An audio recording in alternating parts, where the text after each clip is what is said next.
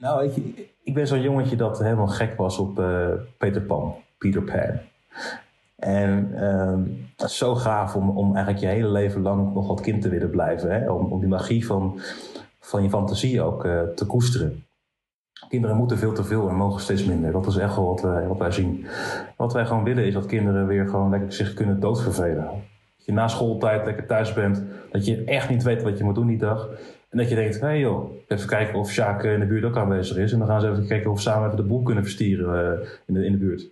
De grootste, mensen die uh, echt iets veranderd hebben in, in, de wereld, die dachten heel erg groot. En daarna was soms ja, tussen gekte en genialiteit zit een heel dun verschil. Uh, maar laten we nou die genialiteit faciliteren door mensen niet in de te logeren en dus, en aan te praten als hen iets mankeert.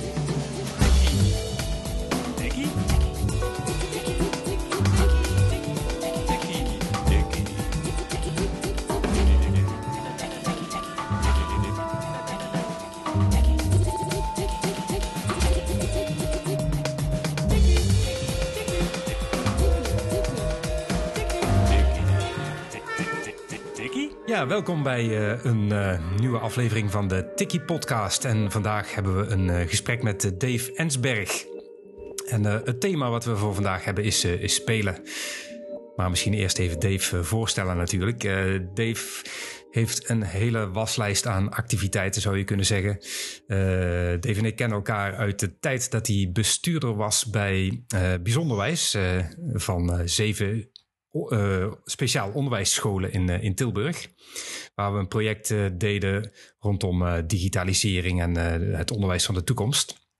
Um, maar momenteel is hij directeur-bestuurder van Jantje Beton. En dus eigenlijk heel intensief bezig met spelen. En dat spelen speelt ook wel een beetje een rode draad in zijn activiteiten. Hij is ook nog bestuurder van de Nederlandse Unie van Speeltuinorganisaties. En in 2015 was hij bij TED te gast um, Venlo, om precies te zijn. En toen vertelde hij zijn persoonlijke levensverhaal. En ook daar had hij het al, over het belang van spelen. En uh, misschien wel leuk om even te vermelden. Ik, ik volg uh, Dave ook op Twitter. En daar deelde hij een, een fantastisch filmpje. Um, misschien kun je het zelf even vertellen, Dave. dat filmpje over, met, met die kussens. Dat vond, ik echt, dat vond ik echt prachtig. Ik kreeg die toegestuurd ook van uh, onze vicevoorzitter van de Raad van Toezicht, uh, Rinda naar Beste, ook voorzitter van de PO-raad. Ook een speelse, speelse dame, mag ik wel zeggen. ja, het geeft er nog voor aan dat je nooit te oud bent om te spelen. Ja. En dat uh, het hartstikke leuk is om doodvreemden op straat tegen te komen. Misschien ook met corona trouwens. En daar eventjes lekker uh, met een kussentje de mondkapje bij spreken voor een gezicht af te neppen. Ja, het, het was... wat je heel, heel, snel ziet, dat mensen dat ook gewoon, uh, ja, die gaan gewoon erin mee. Zo'n zo zacht kussen tegen je aan, dat is super onschadelijk en niemand heeft daar uh, bezwaar tegen. Dus je zag dat in een wat warmere plek dan Nederland overigens. dus op leuk om dat weer te zien. Zag je dat mensen genoten van het spel. Ja, ja. ja er, was, er was gewoon iemand die met een hele pak kussens de straat op ging en willekeurige uh, mensen een paar kussens gaf en dan eh, begonnen ze spontaan te vechten. Ja, dat was erg grappig. Heerlijk. Ja. Jij gooit hem in de show notes, uh, Erno. ja, ja, dat zullen we doen. Hè? Dan kunnen, ja, kunnen mensen nog eens even terug, uh, terugkijken. Nou, je, bent nog, je doet nog veel meer. Uh, nou, je zou het kunnen samenvatten onder het kopje maatschappelijk actief of politiek actief. Hè? Je bent actief CDA-lid. laat je regelmatig ook uit in de, in de discussie over discriminatie en racisme. Uh, bestuursvoorzitter van de Stichting Martin Luther King Lezing. Vicevoorzitter van Johan Ferrier Fonds. Uh, en je bent ook nog auteur. Ja, en ik doe nog meer trouwens. Ik ben ook ambassadeur van Stichting Meer Muziek in de Klas. Ja, ook nog, ja. dat alle ja, basisschoolkinderen ja. structureel muziekonderwijs krijgen. Ik ben ook uh, voorzitter van Stichting Samen Sporten Tilburg. Organiseren jaarlijks begin. Ik heb de sportweekend uh, in, in Tilburg. Ik ben, uh, ja, ja ik, heb, ik heb twee columns, twee vaste columns elke maand. Uh, enerzijds bij uh, de kanttekening.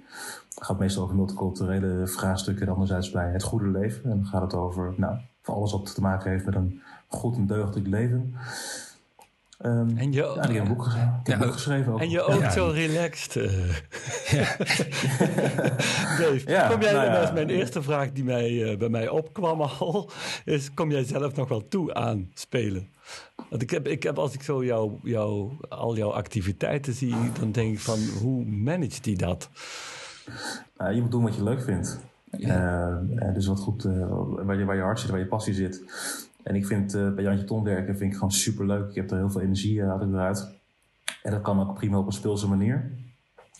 en mijn collega's die geven me ook veel energie, dus dat kost niet zoveel energie. Het levert veel energie op.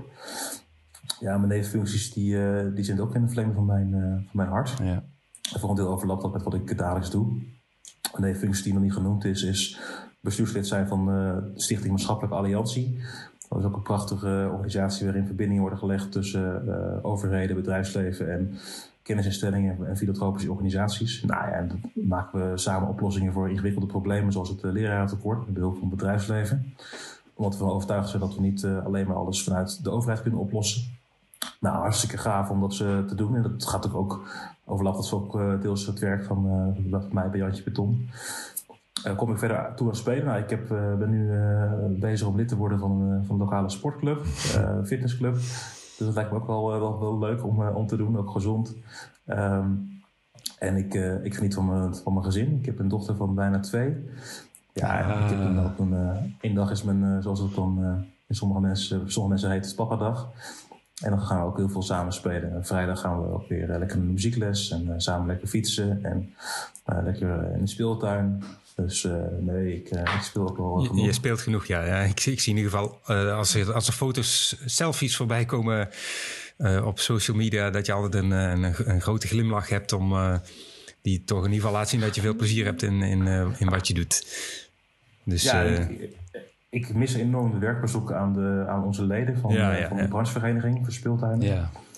En heb ik één favoriet onderdeel. En dat, als, je, als je een beetje oplet, dan kun je dat wel zien. Maar de kabelbaan. In, elk, in, de meeste speeltuinen is er een kabelbaan.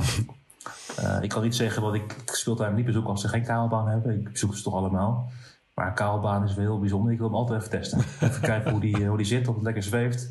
Niet te laag, niet te hoog, uh, een beetje gevaar. De mooiste tot op heden eh, heb ik in Leiden gezien. Dan zweef je over het water. Ja, super gaaf. Oh. Lekker uh, mooi natuurlijke speeltuin. Een kabelbaan over dat water zo, echt schitterend.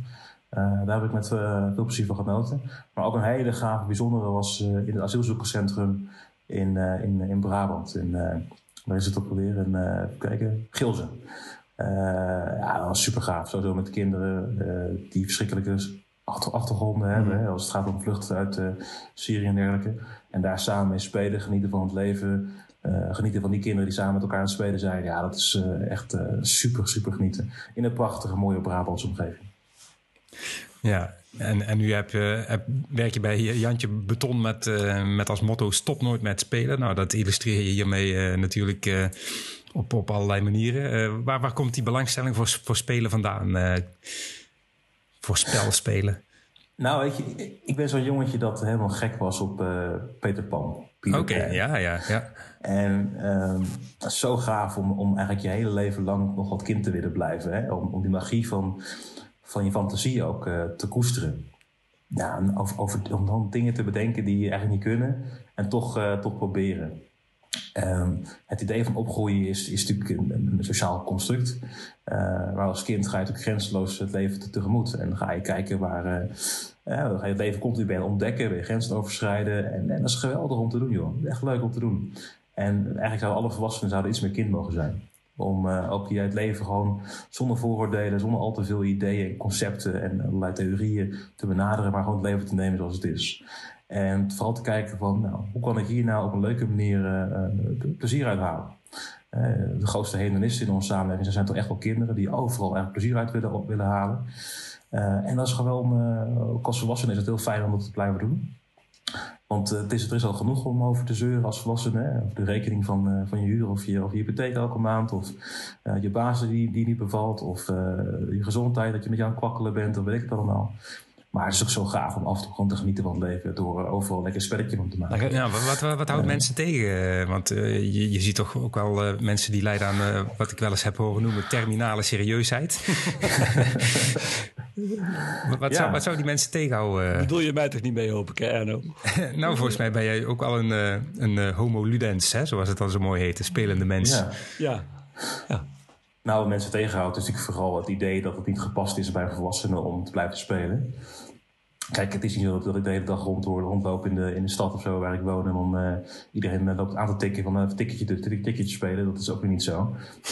um, maar het gaat een beetje over het relativeren van het leven. Het gaat, kijk, wat, het, in essentie is het eigenlijk wat, uh, wat, wat, wat Brabants en Limburgers uh, met carnaval doen. Maar een paar dagen lang. Ja. Even gek doen, alles relativeren met prachtige liederen die je in bevoering brengen. Door samen ook even samen te zijn. maar dat gevoel gewoon het hele jaar door vasthouden. Je hoeft niet altijd met sminken, je hoeft niet altijd met rare pakjes aan en mooie liedjes. Maar je kunt op andere manieren kun je ook het leven relativeren. En het belang van samen zijn, het belang van genieten, het belang van ja, gewoon leven in het moment. Uh, niet elke keer dat trouwens in combinatie met alcohol. Hè, dus dat wil ik de luisteraar zeker niet uh, aanpraten. Dat hoeft ook niet. Maar dat is ook niet de essentie van, van, uh, van carnaval. Carnaval gaat echt over dat samen, die samenhorigheid en over het relativeren van het leven en het vieren van het leven. Ja, hier Dave, hier, hier, hier kunnen we Erno even buitensluiten. En hier kunnen wij even verder samen. Want vijf dagen, toch meestal wel carnaval. En wat je ook zegt, het is je eventjes verplaatsen in een ander. Een ander ik hou heel erg van een pak wat ook uitdaagt tot interactie. Ik ben zelfs ooit een speelautomaat geweest. Zo'n grijpertje, weet je niet? En dan, dat dan je eigen hand was het grijpertje. En dan zaten allemaal spulletjes in. En dan liet ik dat net op het laatste natuurlijk vallen. Want dat doen die apparaten. Hè? Nou, er was een meisje die, was, maar die, die moest op knoppen drukken om de goede richting uh, te krijgen. Hè? Dus zo en naar beneden. en die begon te gaan wat echt te zeggen van... Dat doe jij!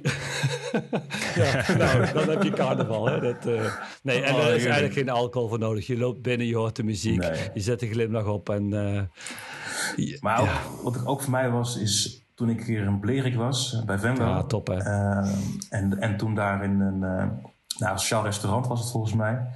Dat we daar ook te eten. En was een mevrouw die, die ging op een gegeven moment huilen. Zei, waarom huil je? Ja, die muziek hè, die, die doet me denken aan mijn vader. En de verhalen van toen. En, en samen carnaval vieren, het, sa het samen zijn. het genieten van het leven. Het is ook zo zwaar. Ik heb gewoon uh, ik heb hmm. geen brede portemonnee. Uh, ik heb gewoon weinig voor te leven. Ik heb weinig sociale omgeving. Maar die paar dagen ja. in, het jaar, ja, ja je dacht, dan geniet ik weer van het leven. En dan ben ik weer op de plek waar ik vroeger was, waar ik gelukkig was als kind. Ja, mooi. En ik denk, ja, dan moet je toch het hele jaar doordoen. Ja. Uh, waarom beperk je jezelf op die paar dagen in het jaar? Maar het is wel stuitend dat je vaak merkt, al de eerste, ik, ik, weet nog, dan het weekend daarna, dan gingen we toch naar de stad in. En dan voelde je nog een beetje die samenhorigheid. En een week later zag je alweer de aparte groepen ontstaan. Die afstand. Het is moeilijk vasthouden, maar ja, dat is wel jammer. Maar het is een mooi streven. Hè? Ja. ja. En carnaval is natuurlijk ook dan een, uh, een, een, manier juist om die verschillen ook uh, even aan de kant te zetten. Ja, dat is heel mooi. Ja, ja dat is echt mooi. Ja, ja want het, het egaliseert enorm. Hè? Dus wat je steeds meer ziet, zijn natuurlijk de toenames tussen mensen met een dikke portemonnee en mensen met een kleine portemonnee. En met carnaval heb je natuurlijk, die zaten allemaal met elkaar gewoon samen. Uh, ook het liefst ook uh, arm in arm bij spreken. Of uh, met de Polonaise sta je gewoon het feest te vieren en van het leven te genieten. En de uitdaging is om dat gevoel dus het hele jaar door vast te houden. En wat we dus te snel doen, is vervallen in oud gedrag. door seriositeit die we onszelf aanpraten. Maar je kunt natuurlijk ook op de werkvloer zorgen voor gestadige relaties. Uh, overigens nemen sommige mensen het erg letterlijk. Dus er zijn dan weer dus seksuele relaties op de werkvloer. maar je kunt natuurlijk ook op andere manieren horizontale relaties hebben. Uh, door gewoon, weet je, uh, natuurlijk, ik ben ook directeur bij onze organisatie. Maar ik was natuurlijk ook gewoon, uh, ik ben natuurlijk ook gewoon een Dave. En we zijn natuurlijk allemaal gewoon mensen. We streven allemaal naar hetzelfde. En iedereen heeft zijn taken van verantwoordelijkheid. Maar we hoeven niet de hele dag uh, de baas te hoeven te spelen. Gewoon samen lekker genieten. Heb je daar een concreet voorbeeld van? bijvoorbeeld een spelactiviteit die keer ingezet hebt in, in, een, ja, in, een, in een vergadering of een zo'n bijeenkomst? Nou, wij, wat we sowieso wel natuurlijk doen nu is lekker digitaal borrelen. Uh, dus in deze tijden. Dus dat is, ja, het is gewoon hartstikke belangrijk om ook uh, te genieten van elkaar met een quiz erbij. Leuke speeltje quiz met allemaal domme vragen die, uh, die is nergens verslaan, maar wel gewoon genieten. Wel zorgen voor een lach en een, en een mooi gesprek. en op kantoor hebben we, als we op kantoor zijn, dus nu even gesloten vanwege de maatregelen, maar ja, hebben we best wel veel speelse elementen. Dus je, je ziet mij regelmatig met een stepje door het kantoor steppen. Uh, even gewoon even, ja, management by stepping around. Stepping around, ja. Uh, ja, dus dat, uh, dat, dat zien we even langs. En dan zit iemand daar serieus in, in gesprek met de account of zo. En dan zwaai ik even de account en dan kijken, kijken wat hij doet. dan maken wij het uit. Ja, wat ik wel, wel, wel mooi vind is dat, dat principe van Google. waarbij ze zeggen van nou je 70% van je tijd hè, besteed je gewoon serieus aan de, aan de aan de, ja, de sleutel, sleutelzaken in, in, in het kader van je werk, je core business, zeg maar. En dan 20% een beetje aan, aan verwante activiteiten. En 10% Vrije mag je echt spelen, mag je echt vrij, mag je los, mag je van alles doen wat misschien niet direct iets oplevert, hoeft te leveren voor je organisatie, maar dat mogelijk wel kan. Dus echt die 10% speelruimte echt bijna definiëren. Dat, ik vond het wel een mooie. Ja, gaaf. Ik, uh, ik zag in jullie uh, bij Jantje Beton de, ja, voor de jaarplannen voor de komende jaren, de ambitie. Daar uh, werd ook een percentage genoemd. 90% van de kinderen en jongeren tussen de 0 en 18 jaar speelt wekelijks vrij buiten. Dat, dat, dat vind ik ook wel mooi. De, de, hoe, hoe, ik vind het zo'n mooie ambitie. hoe, hoe staat dat ervoor nu dan eigenlijk? en en hoe denk je dat te, te stimuleren? Nou ja, dankjewel voor het compliment. Het is ook hartstikke mooi om dat te doen, want dat vrije buiten, dat is dus echt uh, uh, heel belangrijk. Kinderen spelen nu vooral georganiseerd en met een agenda. Uh, kinderen worden gewoon ingepland. je hebt zo'n speeldates, of je hebt dan een georganiseerd verband met de sportvereniging, of ja. moeten nog muziek spelen. Kinderen moeten veel te veel en mogen steeds minder. Dat is echt wel wat, wat wij zien. Wat wij gewoon willen is dat kinderen weer gewoon lekker zich kunnen doodvervelen je na schooltijd lekker thuis bent. Dat je echt niet weet wat je moet doen die dag. En dat je denkt, hé hey joh, even kijken of Sjaak in de buurt ook aanwezig is. En dan gaan ze even kijken of we samen even de boel kunnen verstieren uh, in, de, in de buurt. Ja.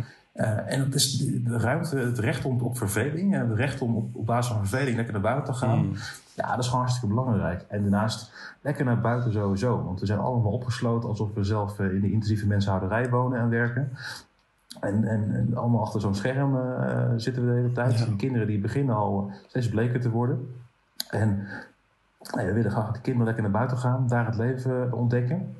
Daar slootjes springen, beddetje trekken, uh, ticketjes spelen, uh, van alles en nog wat. Ga gewoon lekker even genieten van, van het leven, van de vrije tijd, dat je niets hoeft. Want later als je wat ouder bent, dan moet je al zoveel. Ik word helemaal gek van die agenda. Natuurlijk heb ik, ik doe veel hè, in mijn werk, maar ik heb een volle agenda. En het, hoe gaaf is het om niet af en toe terug te denken aan die tijd dat je gewoon helemaal geen agenda had. Dat je gewoon alleen maar, ja, je wist dat je naar school moest. En de rest, oh, ik zie wel wat te doen. Uh, als je, je, hebt nog geen huiswerk op de basisschool. Uh, Het gaat gewoon lekker, uh, lekker genieten. Ja. En dat is helemaal geen zelfsprekendheid meer. Ik moest er ook aan... En, sorry, ja, ga dat maar af. Wij zien dus dat op dit moment is er gewoon te veel, ja, wat we noemen beweegarmoede. Ja. Kinderen die gewoon structureel te weinig spelen. Hè. Het is nu is zo dat 48% van de kinderen in Nederland uh, ik beweeg dagelijks voldoende, dus een, een uurtje. Dat is eigenlijk wat minimaal nodig is. Dat is maar 48%, de rest niet. We zien dat de obesitas waanzinnig toeneemt. We zien dat heel veel kinderen, 15% van de kinderen speelt nooit buiten. Dus echt gewoon, die zegt nooit buiten. Ja. Met name in de grote stad, dus zeker in de Randstad. Soms ook omdat ze veel moeten, maar soms ook omdat ouders overal risico's in zien. Terwijl de samenleving veiliger is dan ooit tevoren. Mm. dus die, ja, als je ziet wat we aan, aan verkeersslachtoffers hebben binnen de bebouwde kom. Dat is niet te vergelijken met toen wij opgericht zijn. Toen was er nog in de jaren 60 en 70 was er nog een pressiegroep nodig. Die heette Stop de Kindermoord. Uh, uh, tegen al die ouders, oude auto's die, uh, die gewoon jaarlijks een paar honderd kinderen gewoon eventjes echt, echt gewoon doodreden. Het is veiliger dan ooit op straat. en natuurlijk zijn er nog te veel auto's rond. Maar het is in essentie veiliger dan ooit. Het zit vaker tussen onze oren. Mm. En zeker bij ouders met een hoge opleiding. Die denken, ja nee, de kinderen kunnen beter naar de hockey gaan of, of, of naar iets anders of naar de schaakclub bij wijze van spreken, dan dat ze lekker vrijdag buiten spelen. Want ja, god weet wat er allemaal gebeurt. En stel je voor dat je Mustafa van die flat nog even tegenkomt.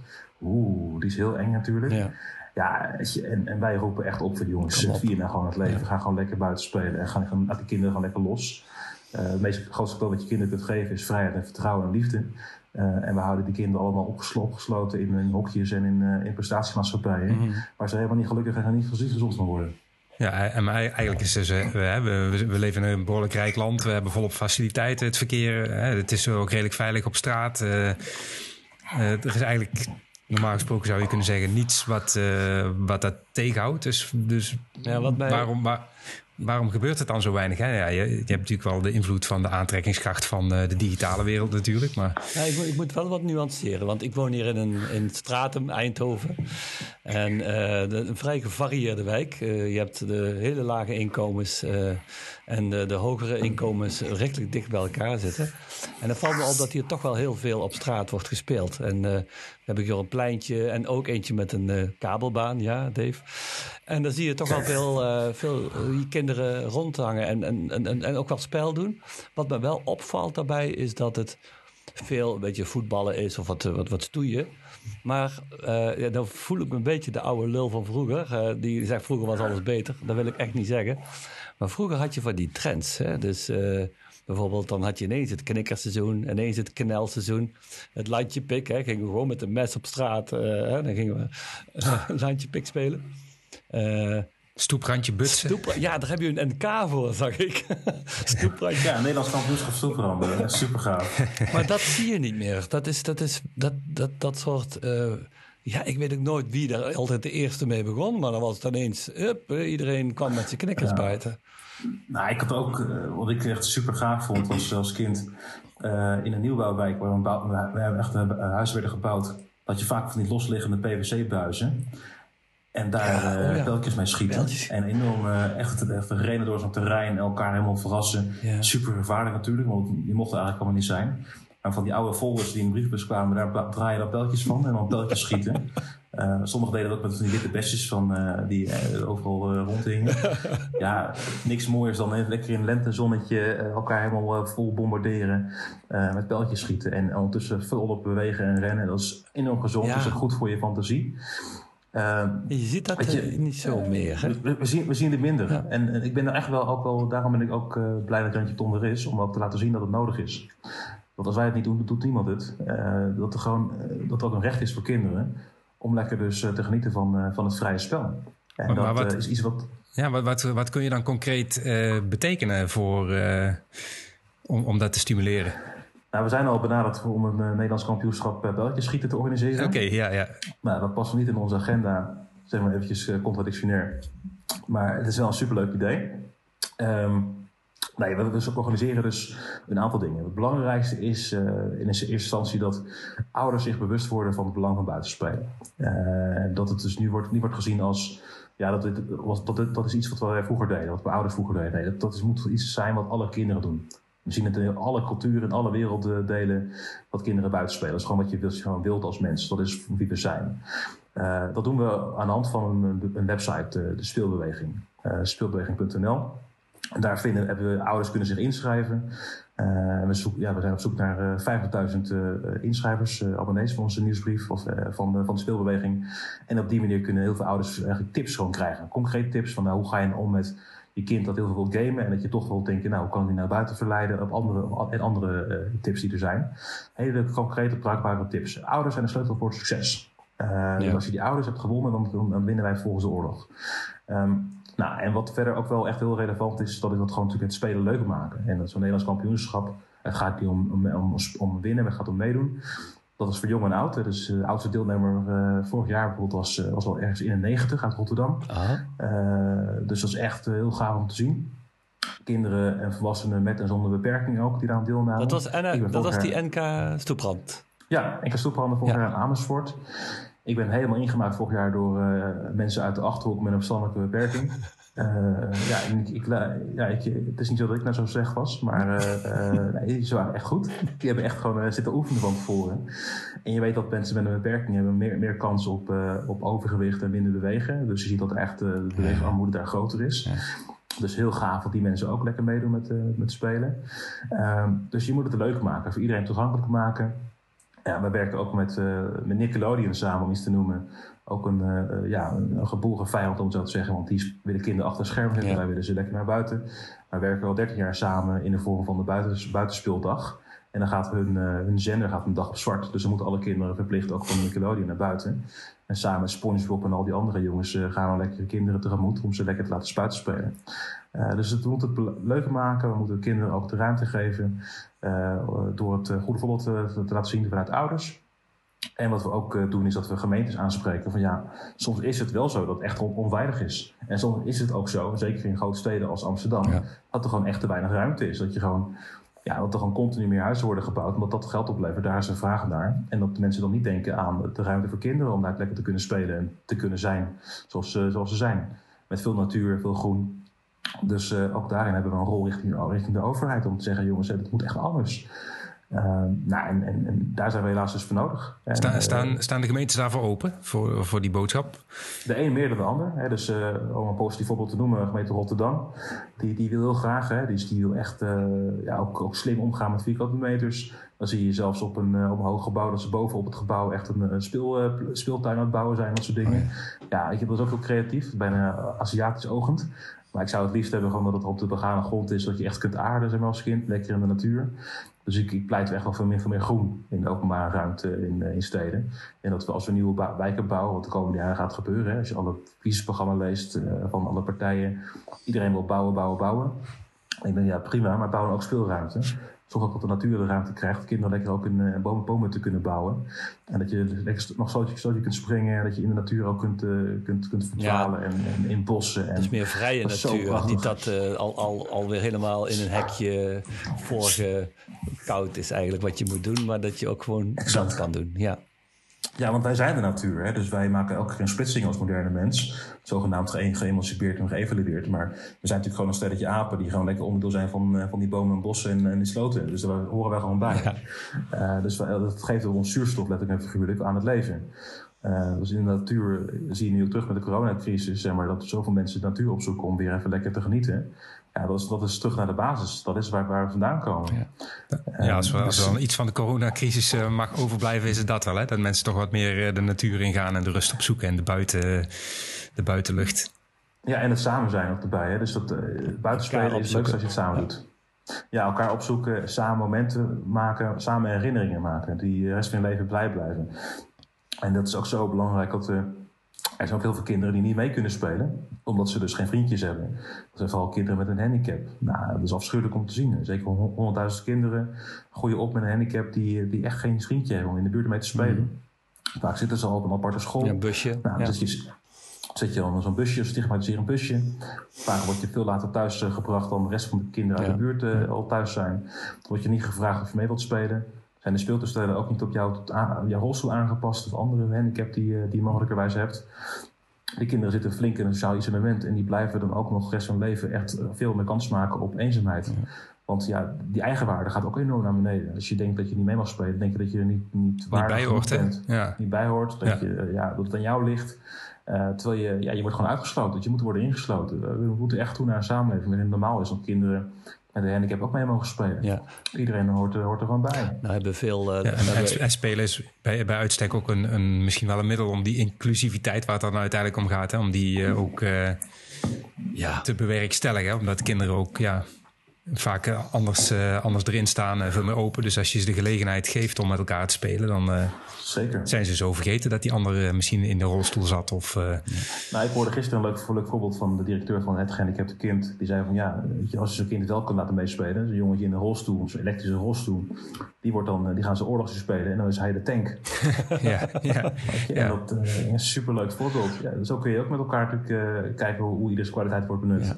Ja. Mooi voorbeeld van, van omdenken. Hè? Ja. En dan hebben wij veel, best wel veel luisteraars in het onderwijs. Uh, hoe, hoe, welke rol zie je het onderwijs daarin hebben? Want je sprak net de ouders aan. Uh, als je naar het onderwijssysteem kijkt en in combinatie met spel, het spelen. Ja, ja, ja, we kregen, ja, we kregen een beetje de, de vraag ook van Peter Steenbergen, die oh. op Twitter reageerde op ons oproepje van heb je vragen voor Dave? Die had het over uh, de, ja, de uitspraak van Cruijff, hè, dat uh, spelen een vak op school moet zijn. Um, en ja, daar hoort dan misschien ook een examen bij. dat is moeilijk voor te stellen. Maar in ieder geval de link met onderwijs en, en spelen is natuurlijk al een hele interessante. Ja, ik, um, ik ben hetzelfde oneens met Johan Cruijff. Want daar komt de uitspraak vandaan. Hè. Buitenspelen zou een vak op school moeten zijn. Uh, Johan Cruijff is de beste voetballer van Nederland ooit geweest. Misschien wel van de wereld. Uh, maar hij heeft nooit leren voetballen op school. Uh, dat is een gave die hij had. En die, die, die heeft kunnen ontwikkelen via de pleintjes in Amsterdam. Uh, hij kreeg de ruimte van zijn ouders om te kunnen spelen. En dan moet je ook hebben. Wat in het onderwijs nodig is, is niet een apart vak voor, uh, voor buitenspelen. want dan gaan we specialisten opleiden die ook nog volgens bepaalde prestaties ja, dan krijg je die agenda weer, hè? Ook dat, maar weet je, buiten, buitenspelen is, is een vrij spel waarin het gaat om, het, om de beleving op zichzelf, niet om de prestatie die je mee kunt bereiken. Uh, dus je kunt natuurlijk ook spelletjes verzinnen waar je mee kunt winnen. Dat kan natuurlijk altijd. Uh, maar het gaat er buitenspelen in essentie vooral om, om het meedoen. En ik vind het zo belangrijk om alle vakken die er zijn, om die op een spelende manier te verzorgen. Uh, dus ik hou meer van spelend leren dan leren spelen.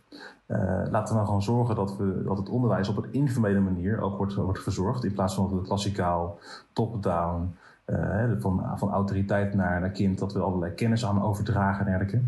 Nee, het zou veel leuker zijn om aan te sluiten bij de belevingswereld van degene die moet leren, die ze moet ontwikkelen. Dan moet de leraar trouwens overigens zelf ook. Maar als je bij hun belevingswereld aansluit, ja, dan, dan ga je op een andere manier het onderwijs verzorgen. En je kunt ook prima buiten, dat doen we ook elk jaar met de Nationale Buitenlesdag, waar dit jaar een of drie basisscholen aan meedeed in Nederland. Uh, dan kun je prima kun je buiten ook gewoon aardrijkskunde, rekenen en taal leren. Als je maar een beetje creatief bent, als je buiten je, buiten je ja.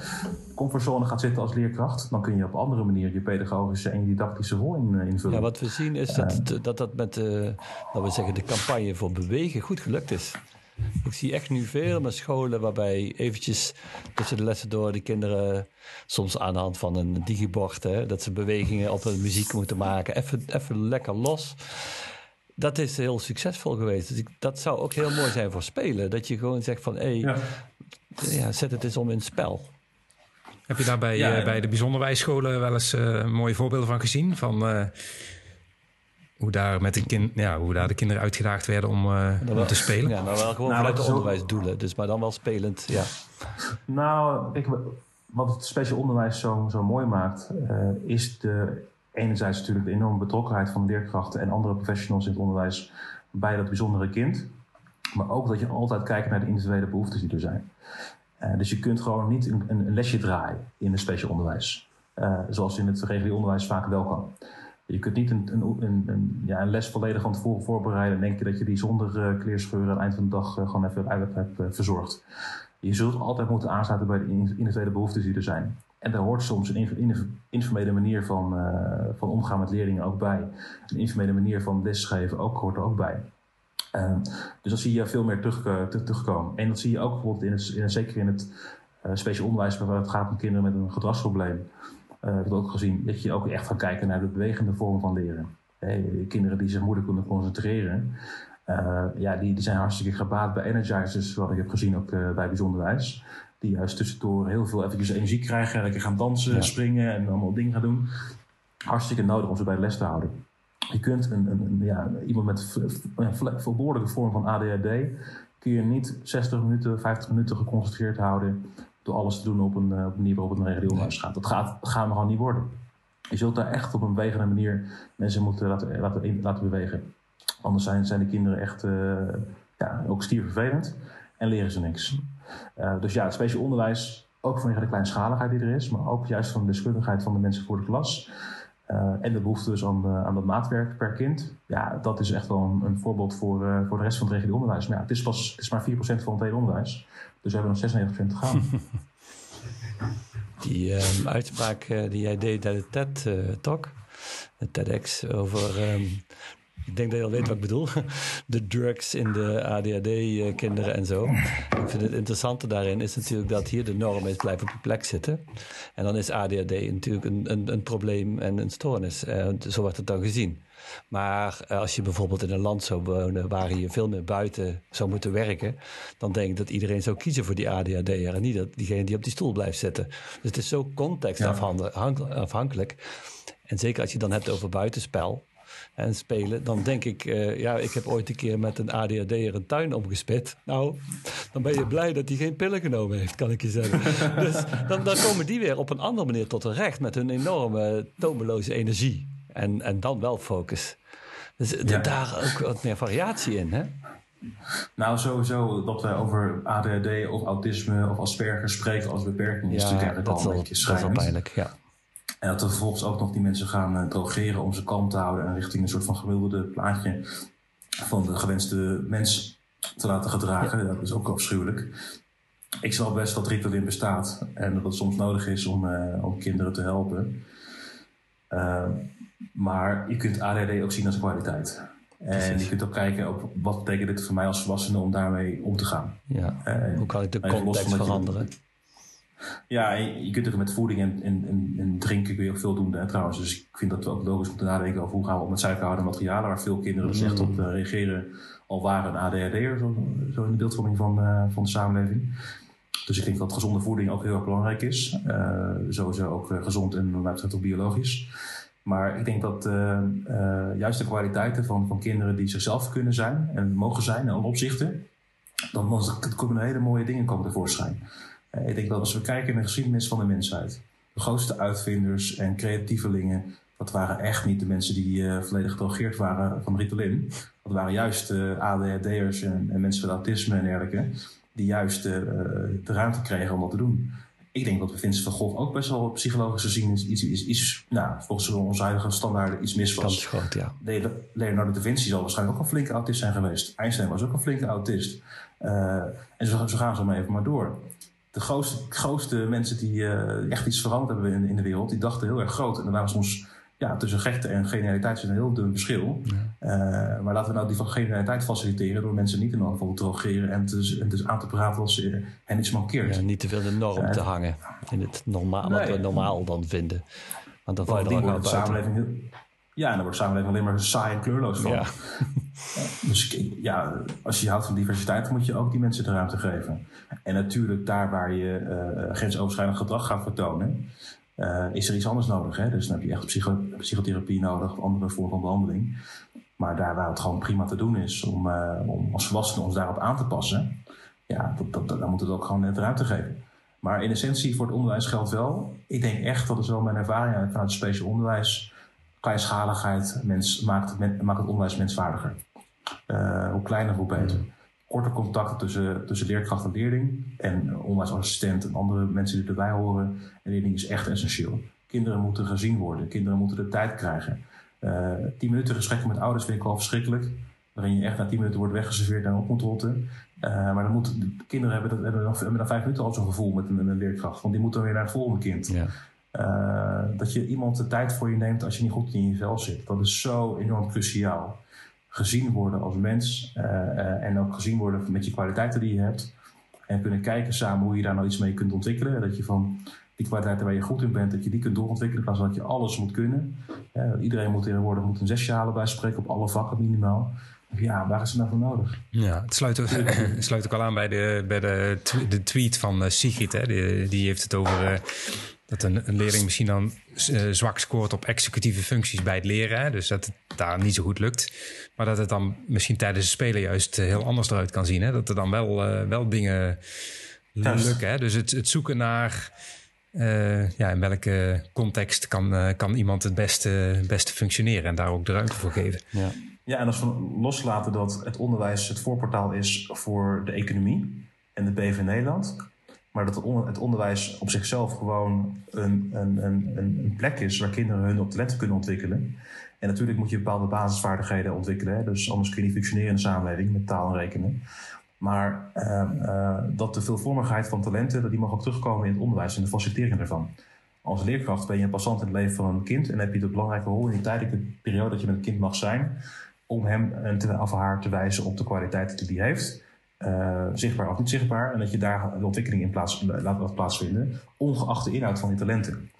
Uh, en als iemand nou hartstikke goed is in muziek, ja, dan gaan we, zou je dus aan de slag moeten gaan om die muziekkwaliteiten ook te, te stimuleren tot bij het wasstond te komen.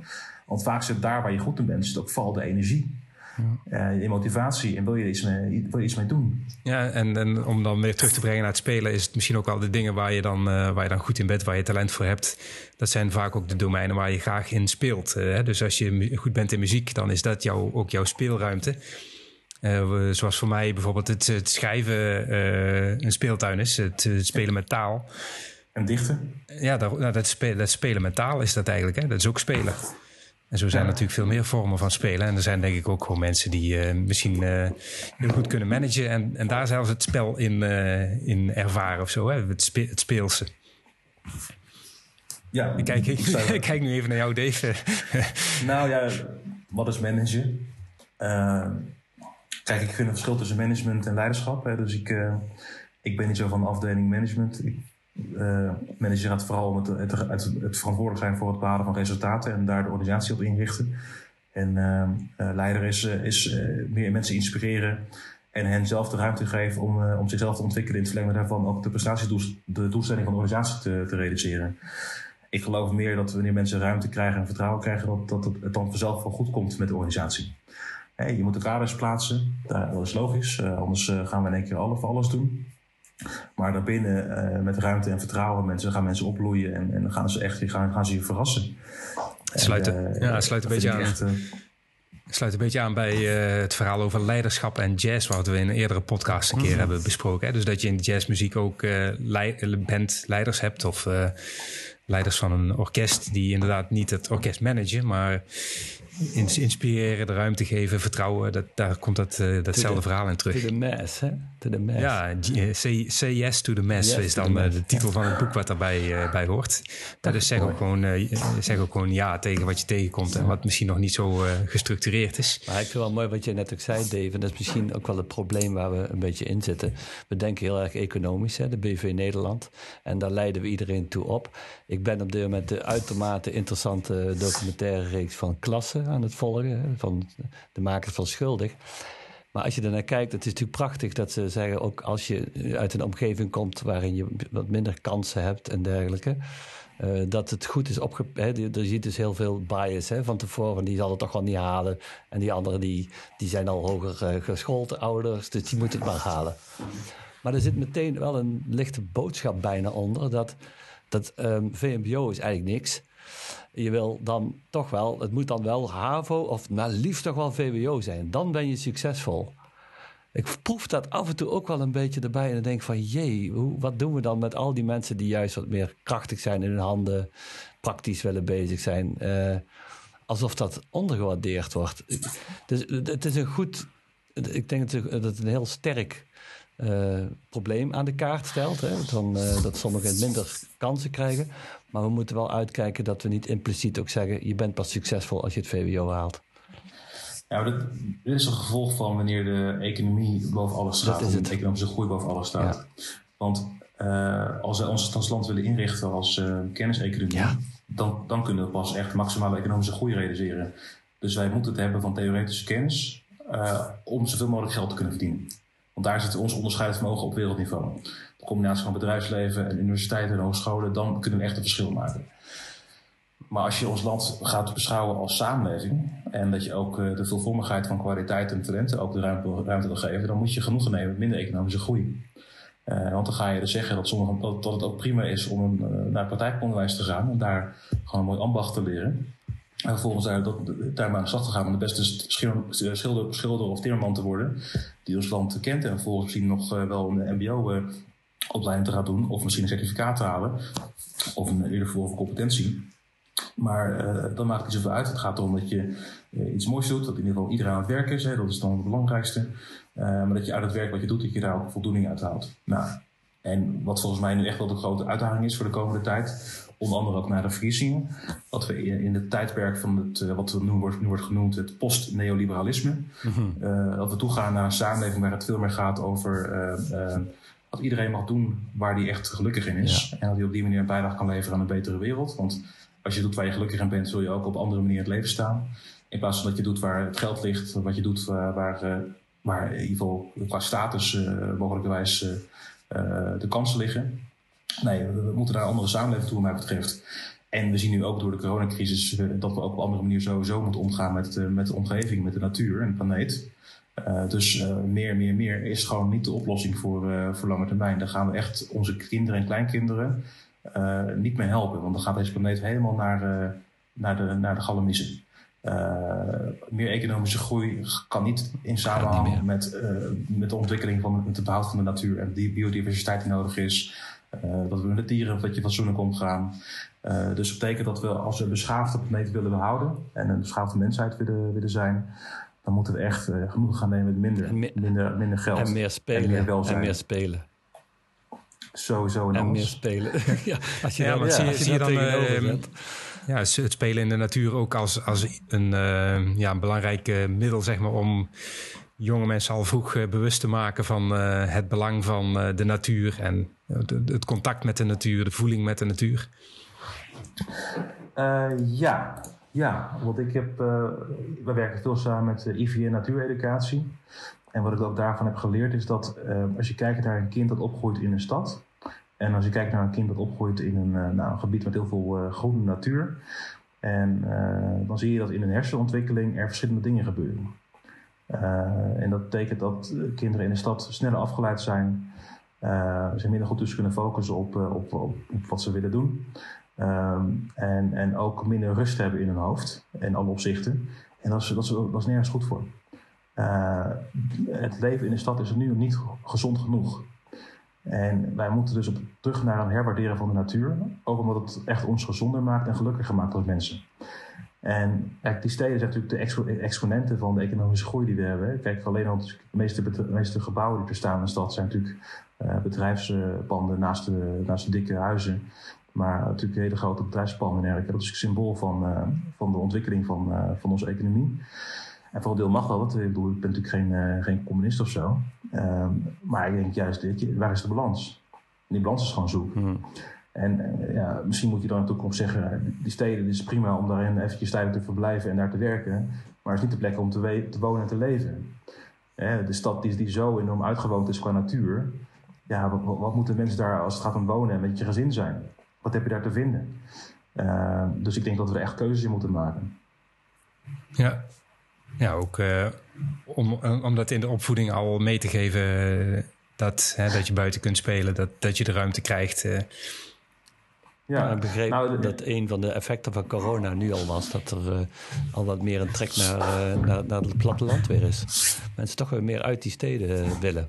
Heb ik begrepen. Dat er ook meer huizen gekocht worden of gekocht worden in, in de, ja. De, ja, de, de, landschappelijke omgevingen. Dus Misschien... Nou, dat komt ook omdat mensen natuurlijk zien dat je niet altijd in een stad hoeft te wonen waar je werkt. dus je kunt natuurlijk ja. prima op afstand thuiswerken. En als we dat dan veel meer gaan gebruiken, wat heel veel mensen al lang zeggen, om die files bijvoorbeeld te bestrijden. Mhm. Ja, dan kun je natuurlijk op andere manier met de zaken omgaan. Je, je, kunt, als jij in, in, Apeldoorn een huis gaat kopen, wat trouwens een prachtige groene stad is, echt een goed voorbeeld van een, uh, waar het wel kan. Uh, dan kun je prima, weet je, als je naar Amsterdam moet, naar je kantoor bij wijze van spreken in Amsterdam, ja, dan kost het je een uur met de trein. Maar ja, als je maar één dag in de week of zo naar kantoor hoeft en de rest gaat, doe je gewoon lekker thuis. Ja, waarom wil je niet naar Apeldoorn in plaats van Amsterdam? Ja. Zeker weten. Of een middelbeers. Nou. Ja, voor luisteraars dat ligt nou. ergens in Brabant. ja. Nu ga je wel heel ver. ja, ja. Zegt, zegt de Eindhovenaar, hè? ja, ja, maar ik woon aan de rand van Eindhoven en ik ben heel snel bij het station. Dat vind ik wel een groot voordeel. Nee, maar, het, dicht, stel bij het station is dicht bij het uh, Philipsstadion. Dat vind ik geen voordeel, maar dat is uh, persoonlijke mening. Gaan we het daarover hebben? Want jij bent oorspronkelijk Limburger, hè? Ik ben getrouwd met Limburgse. Oh, je bent getrouwd met Limburgse. Ja. Okay. En ik, uh, ik ben Ajaxiet, dus dat was even de opmerking die ik tussendoor maakte. Okay. Ik ben geboren als uh, Ajaxiet, dus zo zal ik sterven ook. Oh, en ik heb dat is mooi. Uh, helemaal niks met uh, de videosportvereniging nee, te Eindhoven. dat is mooi. Ik edit het dadelijk, dus dat is geen probleem.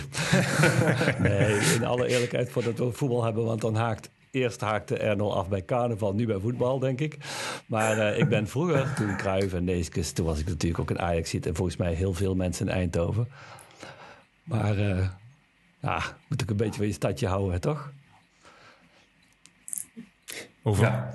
Nou ja, ik, met, ik, ik, haak niet helemaal, af, ik haak niet helemaal af bij voetbal. Uh, tenminste, als het over dit onderwerp gaat. Want vroeger heb ik natuurlijk ook veel uh, op straat gevoetbald. Ik was heel slecht. Oh.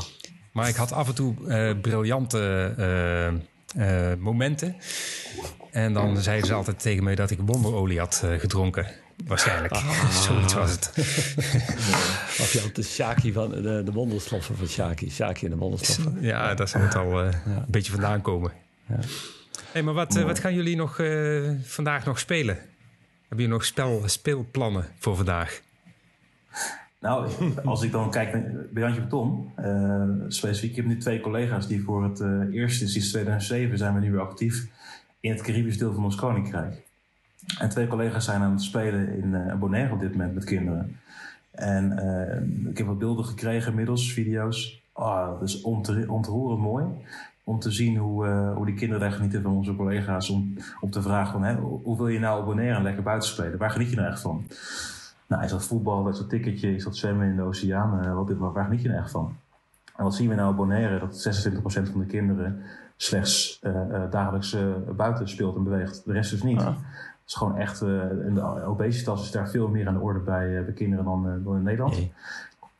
maar het hoort ook bij ons koninkrijk. Dus zij horen ook door onze doelgroep opnieuw. En we willen ook daar zorgen dat kinderen weer gaan lekker buiten gaan spelen. Dus wat, wij vandaag gaan doen in elk geval is genieten van de collega's die op Bonaire zijn ook. Want dat, dat inspireert ons ook weer van, ja jongens, daar, daar doen we het ook, ook zeker voor. Mm. Want als wij het niet doen, dan doet niemand het. Mooi. En jij, Erno? Oh. ja, ik. Nou, ik ben uh, vandaag alleen thuis. Want mijn vrouw die werkt normaal ook uh, thuis. Maar die moest vandaag even naar kantoor. dat betekent dat ik daar even lekker los kan op mijn drumstel. Uh, dus ik ga eens even een paar mappen, mappen verkopen, denk ik. Heel mooi.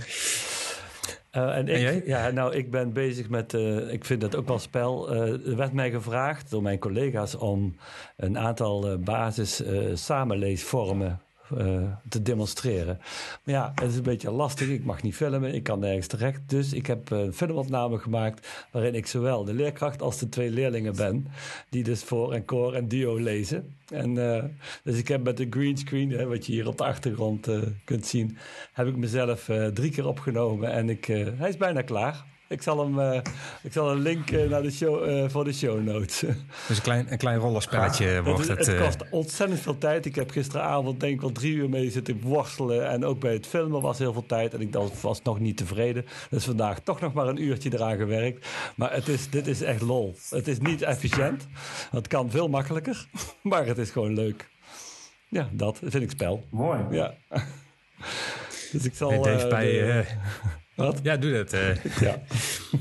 Dave, bij, uh, bij het uh, radioprogramma Kunststof, waar ook een leuke podcast, ook in podcastvorm terug te luisteren, eindigen ze altijd met, met dat de, de geïnterviewde die mag iets op een tegeltje schrijven, een soort laatste boodschap of zo. Oh, ja. Wat, ja. Wat, wat, zou het zijn als, je, als jij nog een laatste boodschap naar onze luisteraars zou willen meegeven? Stop nooit met spelen. Ja, die zag ik al aankomen. Ja, dat is, ja. dat is ook gewoon een fantastisch mooie, mooie slogan. Ja, ik kan niet anders zeggen. Dus die, uh, die kreeg ik gewoon... Uh, dat was dat bij de erfenis uh, die ik kreeg toen ik directeur werd van Jantje Jantje Tom. En die, die ga ik niet weggooien. Vind ik een hele mooie slogan. en we doen, ja, hoe jong, hoe jong of oud je ook bent, man of vrouw. Top, of met spelen. ja, ga, blijf gewoon lekker spelen en blijf gewoon genieten. Blijf gewoon het leven continu toela toelachen ook. Relativeer het. Het is allemaal veel te serieus al. Um, en wat ook heel mooi is, wat tegenwoordig zo mooi heet, uh, je kunt ermee ook eh, uit je eigen bubbel stappen. Dus je kunt mensen ontdekken, ook met het kussengevecht, dat we nog uh, terug gaan zien in de show notes, die niet op jou lijken, maar wel gewoon ook mens zijn. Yeah. En die hartstikke leuk vinden om met jou even te spelen. Ja, precies. Mooi. De verbinding ook daarin, hè? Mooi. Ja, ja. een mooi, mooi slot, slotwoord, Dave, van, voor, denk ik, voor deze editie van de Tikkie Podcast. Ehm, je vermeldde al even de show notes. Daar zullen we nog wat, uh, wat bronnen bij zetten die bij dit thema mooi passen. En de links ook naar de site van Jantje Beton uiteraard. En uh, je noemde nog een... Speelbeweging. Speelbeweging, die was het, ja. ja. Dus die gaan we er ook bij zetten. Kunnen mensen nog eens even naluisteren. Nou, reageren mag natuurlijk ook altijd op deze podcast. Dat kan via onze website www.tikkiepodcast.nl. En uh, ik zou zeggen, waarschijnlijk mede namens Pierre, uh, graag weer tot een volgende gelegenheid. Dave, bedankt. Dank. Jullie bedankt. Super.